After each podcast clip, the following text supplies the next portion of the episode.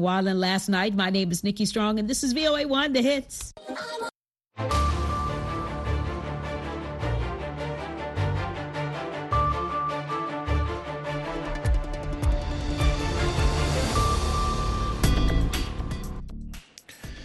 halkani waa washington laanta afka soomaaliga ee v o a oo aad ka dhagaysanaysaan mawjadaha gaagaaban efmiyada geeska afrika iyo caalamkao dhan oo aad nagala socotaan v o a somaly com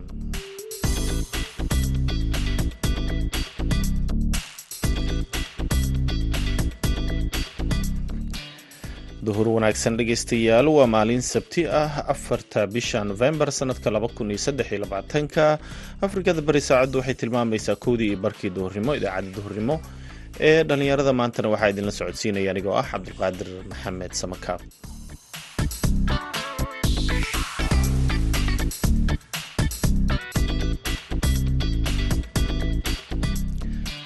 qodobada aad ku maqli doontaan idaacaddeenna duhurnimo waxaa ka mid ah barnaamijkii madasha dhallinyarada oo aan ku eegayno toddobaadkan siday dhallinyarada uga faa'iidaystaan internetka dhinaca wararka iyo xog gudbinta hagaagsan.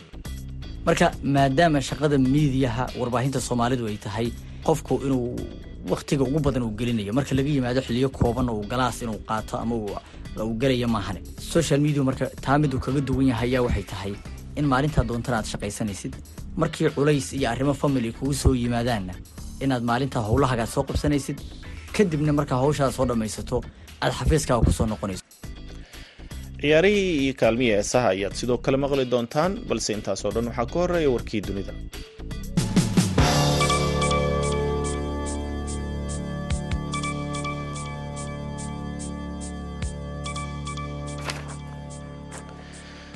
shan iyo toban ruux ayaa ku dhintay lixdan kalena way ku dhaawacmeen duqeymo cirka oo israa'il ay ku qaaday gaari kuwa gurmadka deg dega ee lagu qaado.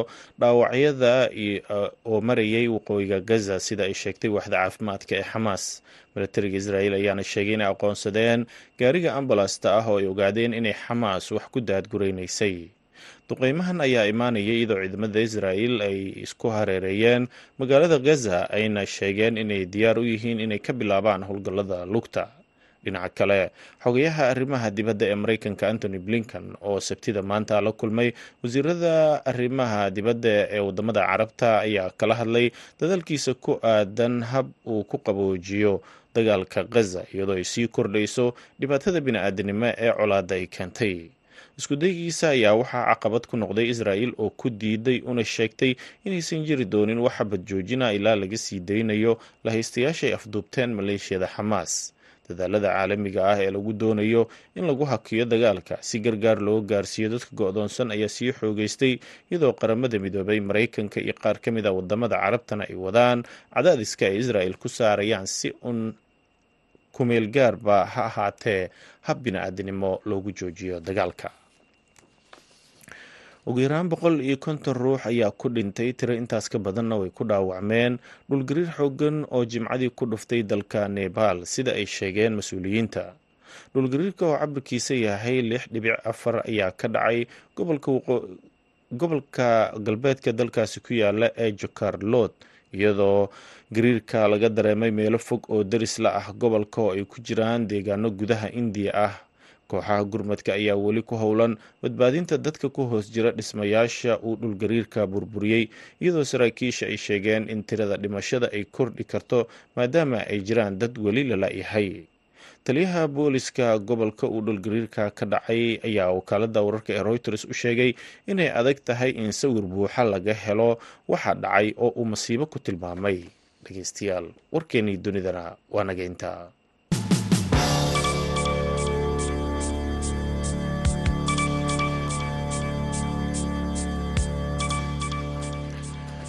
halkaaad warkaasi ka dhageysanayseen waa idaacadda v o a oo idinkaga imaaneysa washington. Haddana waxaad ku soo dhowaataan barnaamijkii madasha dhallinyarada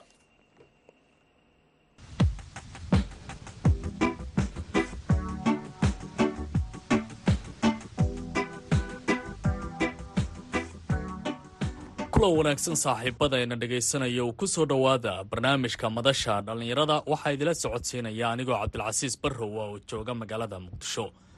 Toddobaadkan barnaamijka waxaynu ku eegi doonaa sida dhallinyarada soomaaliyeed ay uga faa'iidaystaan internetka weliba marka loo yimaado dhinaca wararka iyo xodgudbinta iyadoo sannadihii ugu dambeeyay dhallinyaro fara badan oo saxafiyiina oo ka shaqaynaya hay'ado kala duwan oo warbaahineed ay u jihaysteen inay dhinaca internetka ay ka shaqaystaan.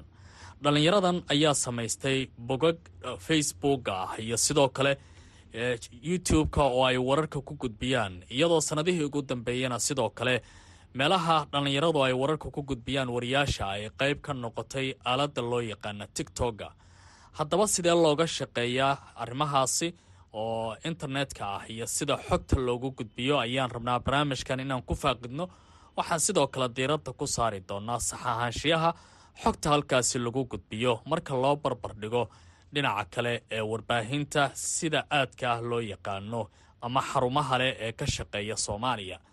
Waxaa barnaamijka igala qaybgalaya cabdiweli xuseen tawakal oo ah saxafi waayadii ugu dambeysay ku shaqaysanaya dhinacaasi iyo internetka.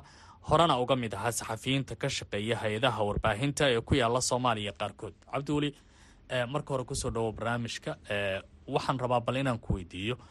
Goorta aad go'aansatay in aad internetka ku biirto o aad ka mid noqoto dhallinyarada ka shaqaysta. Cabdicasiis waad mahadsan tahay adiga iyo bahda kale ee v o a.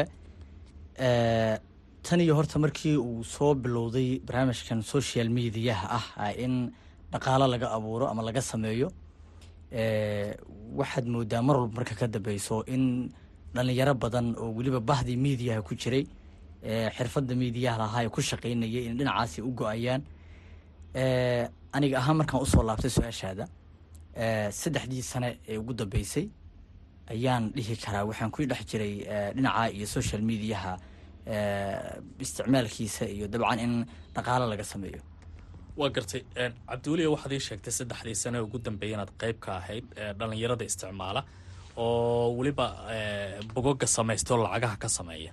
Bal waxaad iiga warantaa maxay tahay fursadda halkan taalla marka loo barbar dhigo xarumihii kale ee warbaahinta oo ay saxafiyiinta dhalinta yar ay ka shaqaynayeen? Maxaa isbedelay oo halkan yaalla?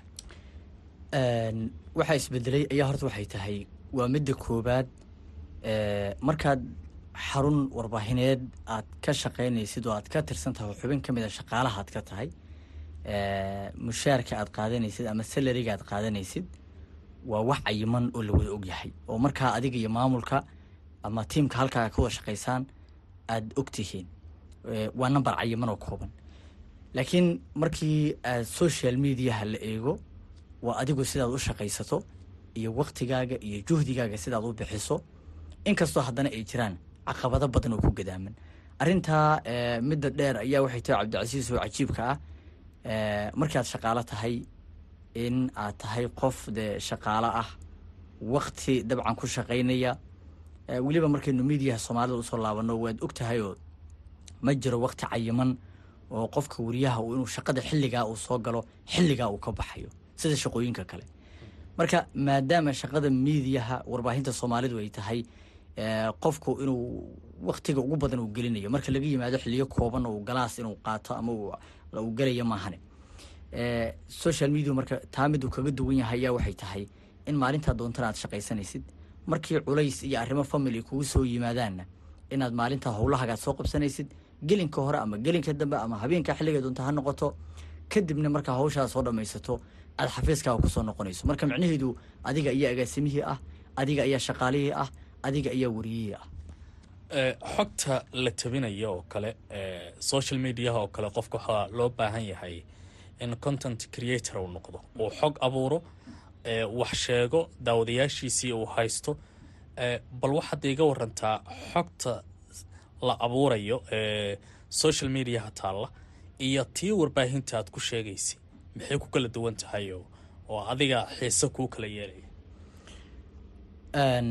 Horta farqi baa u dhexeynaya kaas oo ah marka la yimaado xaruntii warbaahinta marka aad joogtid oo aynu dib ugu laabano xaruntii aad ka shaqaynaysay waxaad ku qasban tahay inaad ku shaqaysid sharciyada iyo xeerarka u yaal warbaahintaas ee xogaha ama wararka markaas kaga yaalo marka si kastoo aad u haysid xog jirta oo xaqiiqo ah oo xasaasi ah haddana haddii ay xeerkii ama ay maamulkii ay qoonsadaan sheekadaas ma baahin karaysid wayna dhacdaa mararka qaar.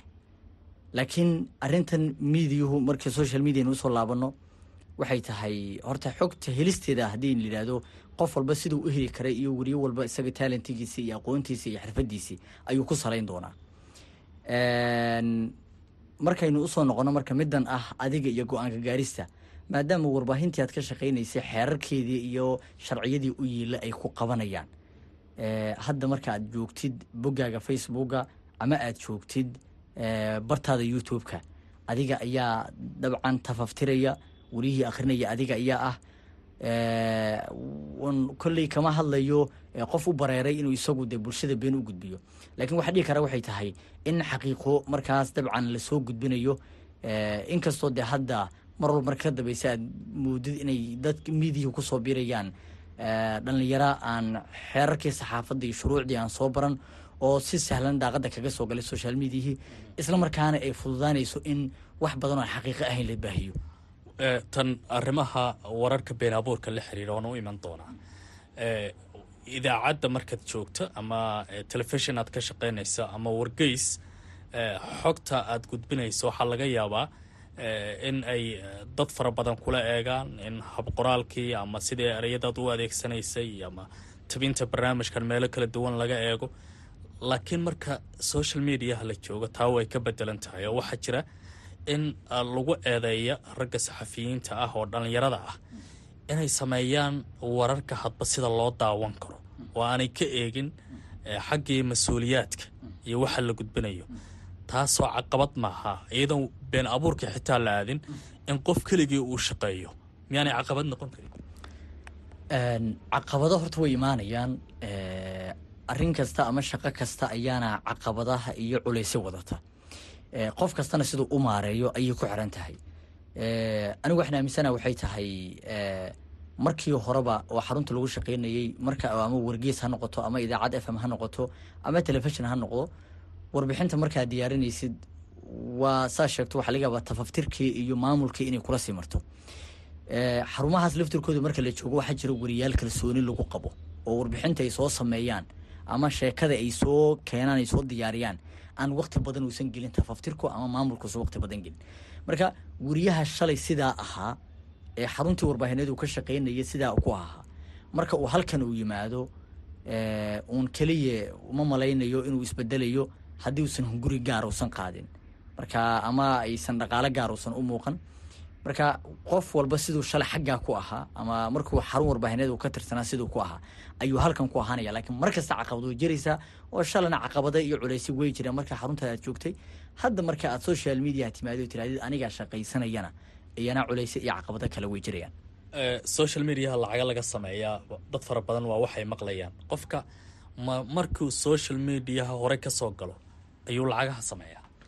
Maya taa haddii lagu sameynayo dhammaan dhalinyarada soomaaliyeed taajiriin ayay noqon lahay qof faqiira maba joogeenba soomaaliya marka marka social media aad soo gasho laftirkiisa ayaa u baahan in aad waqti geliso in aad juhdi dabcan gaara aad bixisid.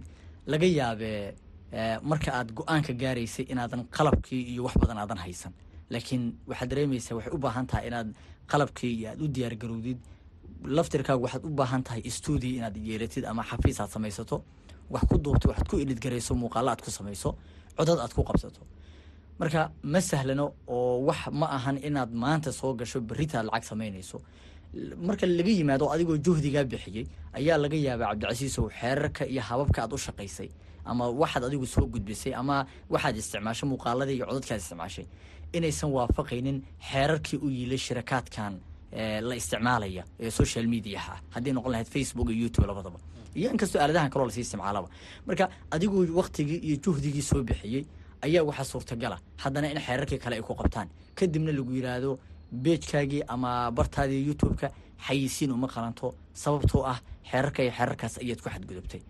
Waxay u baahan tahay marka inaad waayo aragnimo badan aad raadisid inaad wakti ku dhex jirtid in aad saaxiibo badan oo kaaga horeeyey mixnadan social mediaha aad ku tiraad wareedhe war bal xog isiiyo xaggeen ka bilaaba xaggee. Marka waa markaad xarun ku soo biirtid warbaahin ama idaacaddaad ku soo biirtid bilowgii inaad soo baxdid xaruntii aad timaado shaqadii hore kama qabanaysid. Laakiin waa inaad shuruucdii iyo xeerarkii ku shaqaynaysa warbaahintaas aad fahamtid. Marka social media laftirkiisu waa sidii oo kaleo haddii aadan xeerarkiisa iyo nidaamka iyo sida uu doonaya haddii aadan fahamsanayn caqabado badan iyo culeysyo badan ayaad la kulmaysaa waa gartay. Hadda dhalinyaro fara badan ayaa ku soo biirtay. Waxa ugu badan oo soomaalidu ay ka cabanayaan waa wararka been abuurka ah oo la xakameyn la-yahay oo xarkaha goostay oo maalinba war cusub uu soo baxayo. Haddana been noqonaya. Cabdiweli oo ayadoo laga faa'iidaysanayo social mediaha saxafiyiintiina wararka ay ku sheegayaan oo ay ku shaqaysan karaan wax uun dhaqaalaana laga heli karo. Sidee dhibaatadan taagan ee wararka been abuurka la xiriira oo jahwareer ku riday dadkii aragtidaada isleedahay waa loo joojin karaa. Waxay la tahay aragtideyda in loo joojin karo sidii shalay wariyaasha kale ee xarumaha kala duwan ee warbaahinta soomaalida ka shaqaynayey tababarada loo siinayey ee la berayay shuruucdii iyo dabcan hababkay u shaqayn lahaayeen iyo marka ay war doonaan dabcan ama meelaha dagaaladu ay ka socdaan ha noqoto soo gudbinta warka ay soo gudbinayaan laftirkiisa xaqiiqadiisa ha noqoto. Shalay tababaradii la siinaya wariyaashaas. In loo qabta laftirkooda bahdan social mediaha ku soo biirtay. Wariyaal waaweyn oo warbaahino waaweyn oo caalamiya ka soo shaqeeyey oo maanta social media u go'ay way jiraan. Laakiin waa rag yaqaana xeerarkii iyo shalay dabcan waxay ku soo shaqeeyeen xeerarkii saxaafadda iyo nidaamkiina yaqaan oo soo bartay. Laakiin maadaama dhalinyaro badan ay ka soo galeen daaqadda oo ay si sahlan ku soo galeen hadda waxaa laga cabanaya in ay tahay wararkan been abuurka ah ee soo badanaya. Su'aashaad weydiisanaya ahayd sababta loo joojin karo ama looga gudbi kara arrintaa ama looga hortegi kara ayay tahay. In waxaan qabaa loo qabto aqoon kororsiyo ku aadan arrintaasi iyadoo markaa dabcan la fahamsiinaya si aqoontooda sare loogu qaado iyo dabcan waay aragnimo wax badan laga fahamsiiyo social mediahan iyo sidoo kaleeto in wax xaqiiqa a soo gudbiso faa'iidada ay leedahay iyo in ay farqiga dhibaatada waxa u dhexeeya markaad soo gudbiso wax xaqiiqa ah iyo wax been abuura markaad soo gudbiso. Waa tahay qeybihii dambe barnaamijka ayaynu ku jirnaa. Waxaa tiri waxaa loo baahan yahay in tababaro la bixiyo oo wacyiga iyo aqoonta iyo garaadka raggan dhalinyarada ah ee shaqaynaya la dhiso yaad is leedahay waa laga raadi karaa in dhallinyaradaasi la dhiso xaggeese loo mari karaa? Waa la dhisi karaa way fududahay siday ila tahay. Waxaa loo mari karana waxay tahay hay'adaha ama ururada saxaafadda soomaalida. Iyo sidoo kaleeto waxaa loo mari karaa waxay tahay raggan qabiirada ah ama muddada badan ku soo jiray miidiyaha maanta laftirkoodu intay ka tageen warbaahinadii ama xarumihii ka shaqaynayeen gaarka loo lahaa ama ha noqdaan kuwa dabcan dawli ah si madax bannaan u shaqaysanaya. Dhallinyaradan way ka waaya aragsan yihiin wayna ka aqoon badan yihiin waxa ay ku soo gudbiyaan iyo waxa ay da-yartu ku soo gudbiyaanna waa ay kala duwan tahay oo cabdicasiisow waadna la socotaa waa daawataa social mediaha marka uu kaasoo horbaxdo ama hortaada ay timaado sheeko uu sameeyey qof ku cusub miidiyaha ama aan soo baran xeerarkii saxaafadda. Iyo marka nin wariyaahoo muddo ku soo jiray warbaahinta marka uu sheeko uu soo sameeyey kaa hor yimaadaan. Waad durbadiiba waad garan karaysaa xaqiiqada iyo farqiga u dhexeeyo iyo xanaanka sheekada loo sameeyey laftirkeeda iyo dhinaca xaqiiqada marka loo eego. Intaba waxaa u dhexeynaya kala duwanaan badan ugu dambeyntii marka mustaqbalka laga filan karo meeshan cusub ee loo guuray iyo qof kastana uu noqday idaacad madax bannaan oo keligii shaqeeya maxaa la filan karaa ayaad leedahay? Oo ay ku soo kordhin kartaa saxaafaddii soomaalida? Xogtii sidii loo heli jiray? Maxaase caqabadaad is leedahay? Uma eka in laga baxsan doono. Tan caqabadan ku hormaraya horta haddii caqabado way jirayaan haddii aan la helin cabdicasiisow xeerar ama shuruuc lagu xakameeyo social media caqabado way sii socon doonaan wararka been abuurka way sii socon doonaan way sii badan doonaan mar walba marka ka dambeysana way in wax la aamino ayaa yaraa doonto. Sida hadda wax ku socdaan haddii ku sii socdaan. Laakiin haddii waxaan aaminsanahay la helo shuruuc xakameynaysa dadkaas oo nidaaminayso oo xad u yeelayso in ay yaraan doonto waxyaabaha hadda maanta dabcan taagan ee ah wararka been abuurka iyo dabcan dhacdooyinka noocaasa ku saabsan iyo waxyaabaha aan xaqiiqada ahayn ee lagu soo gudbiyo. Taa marka laga yimaadana waxay tahay haddii dhinaca wanaagsan loo eegana in faa'iido badan ay ku jirto waxay tahay dadku halkii warkay ka sugi jireen in ay la gaaro xilligii idaacaddu ama telefishinku warka uu soo baahin jiray. Hadda qofku kuma qaadanaysa wakti laba daqiiqo wax ka yar ama saddex daqiiqo wax ka yar ayaa marka aad maqashid waxbaa dhacay ama halkaa waxawaay dhacda ka dhacday inaad xogta hesho kuguma qaadanayso shan iyo toban daqiiqo oo intaa wixii ka dambeeya ah. Laakiin xogta ku soo gaarayso ayaa waxay u baahan tahay xaqiiqadii in aad ogaatid iyo in kale. Laakiin xogtii waad helaysaa xogtii markaad hesho in laakiin xaqiiqadii aad hesho ayaa u baahan waqti. Marka waana sababta keenayso oo aan kuleeyahay haddaan la helin shuruuc xakameynayso way sii jiri doontaa caqabadda iyo problemkuu sii socon doonaa. Aad ayaad umahadsanta adigaa muda cabdicas akhyaarta nala socotaay kaasi waxa uu ahaa cabdiweli xuseen tawakal oo ah saxafi baraha bulshada ka shaqaysta oo barnaamijka madasha dhallinyarada toddobaadkan marti inoogu ahaa. Waxaa idila socodsiinaya barnaamijka anigoo cabdilcasiis barrowa oo jooga magaalada muqdisho tan iyo kulanti dambe intii aynu barnaamijkan mid lacayna aynu isku arki doonno waxaan idin leenahay nabadgelyo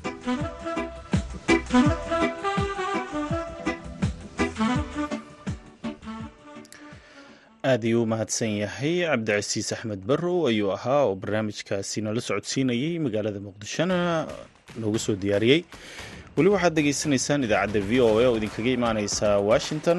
Haddana waxaad ku soo dhowaataan wararkii cayaaraha. Sida caadiga ah maanta oo kale oo sabti ah ayaa waxaa la ciyaaraa horyaalada kala duwan ee kooxaha kubadda cagta ee qaaradda yurub oo maalmaha sabtida iyo axadda la kala ciyaaro haddii aan ku horeyno horyaalada ugu waaweyn dalka ingiriiska kulamadiisa ama horyaalka premier leaga kulamada maanta dhacay waxaa ka mid ah kan ugu soo horreeya ee dhex maraya kooxaha fulham iyo manchester united. Kulankan ayaa dhici doonaa saacad kadib ee xilliga geeska africa kooxda manchester united ayaana u martini doonta kooxda fulham iyadoo raadinaysa inay guul gaarto labadii ciyaarood ee u dambeysay ee kooxdan ay ciyaartana kooxaha newcastle united iyo manchester city ayaa ka badiyey iyadoo kooxdan uu xaalka waayadan aad ugu xun yahay. Haddii ay galabta guuldarro la kulmaanna waxaa ku sii badan doona cadaadiska haysta tababaraha kooxda manchester united ericton hag. Kooxdan ayaa ilaa iyo hadda mushkiladeeda meel loo saariila la-yahay oo xal loo la-yahay waa arki doonaa natiijada ku soo korata kulamada kale ee maanta dhacaya waxaa ka mid ah kan u dhexeeya kooxaha branford iyo westerham banley waxay la ciyaari doontaa crystal balas everton iyo brighton ayaa isku aadan. Kooxda horyaalka difaacanaysa ee manchester cityna waxay garoonkeeda kula ciyaari doontaa kooxda bonemouth sheffield iyo wolvis ayaa isku aadan halka kulanka ugu adag kulamada maanta dhacayana uu dhex marayo kooxaha arsenal iyo newcastle united. Kulankan ayaana si weyn indhaha loogu hayn doonaa. Kooxda arsenaal ayaa waxay doonaysaa inay weli sii joogto meelaha sare halka kooxda tottenham aan idhaahdee kooxda newcastle oo maalqabeenno sacuudiyaana ay gateenna ay doonayso inay dib isu adkayso. Dhinaca horyaalka laliiga haddii aan fiirino dalka sbain osasuna iyo khirona ayaa isku aadan real batis iyo real mayorka ayaa is arkaya salta vigo waxay ku aadan tahay sevilla kooxda barcelonana waxay isku aadan yihiin kooxda real sociedad waana kulanka hadda xiisaha gaarka u leh kulamada maanta dhacaya. Siraaga dalka talyaanigana kooxda horyaalkaasi difaacanaysa ee napoli oo sidii sannadkii hore aan u xooganayn waxay ku aadan tahay kooxda salernitana. Atlanta iyo inter milan ayaa isku aadan halka kulan adag uu dhex mari doono kooxaha ac milan iyo udaneza sanadkan horyaalka talyaaniga waxaa bilaabasho fiican ku jira kooxaha milan iyo inter waa arki doonaa natiijooyinkooda wararkeena ciyaaraha ku soo kordha. Waxaadna ku dhegeysan doontaan idaacadaheena dambe laakiin hadda waxaad ku soo dhowaataan kaalmihii heesaha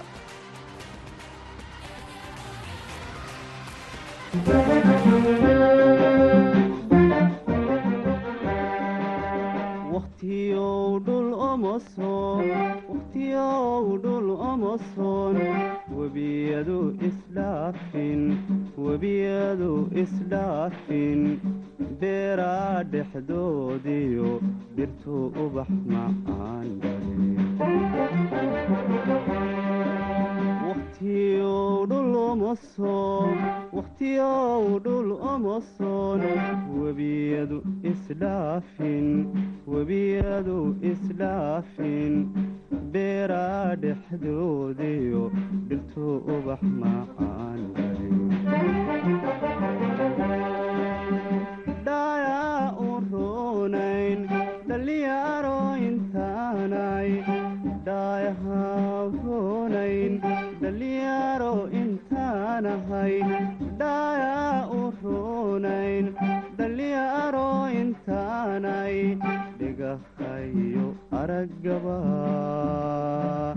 ka dheere agtayda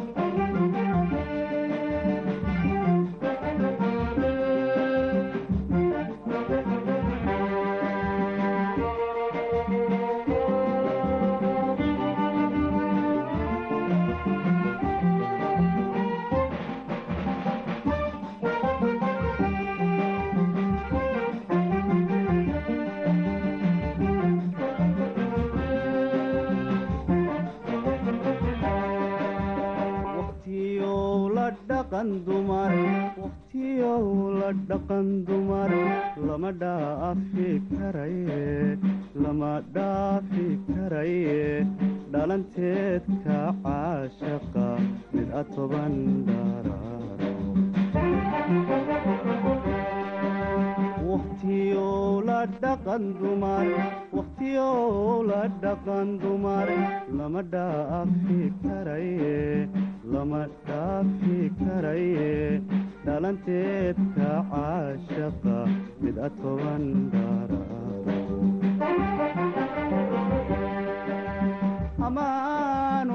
dhabka ahayn dhalinyaro intaanay ama aanu dhabka ahayn dhalinyaro intaanahay amaanu dhabka ahayn dhalinyaro intaanay dhigahayo araggaba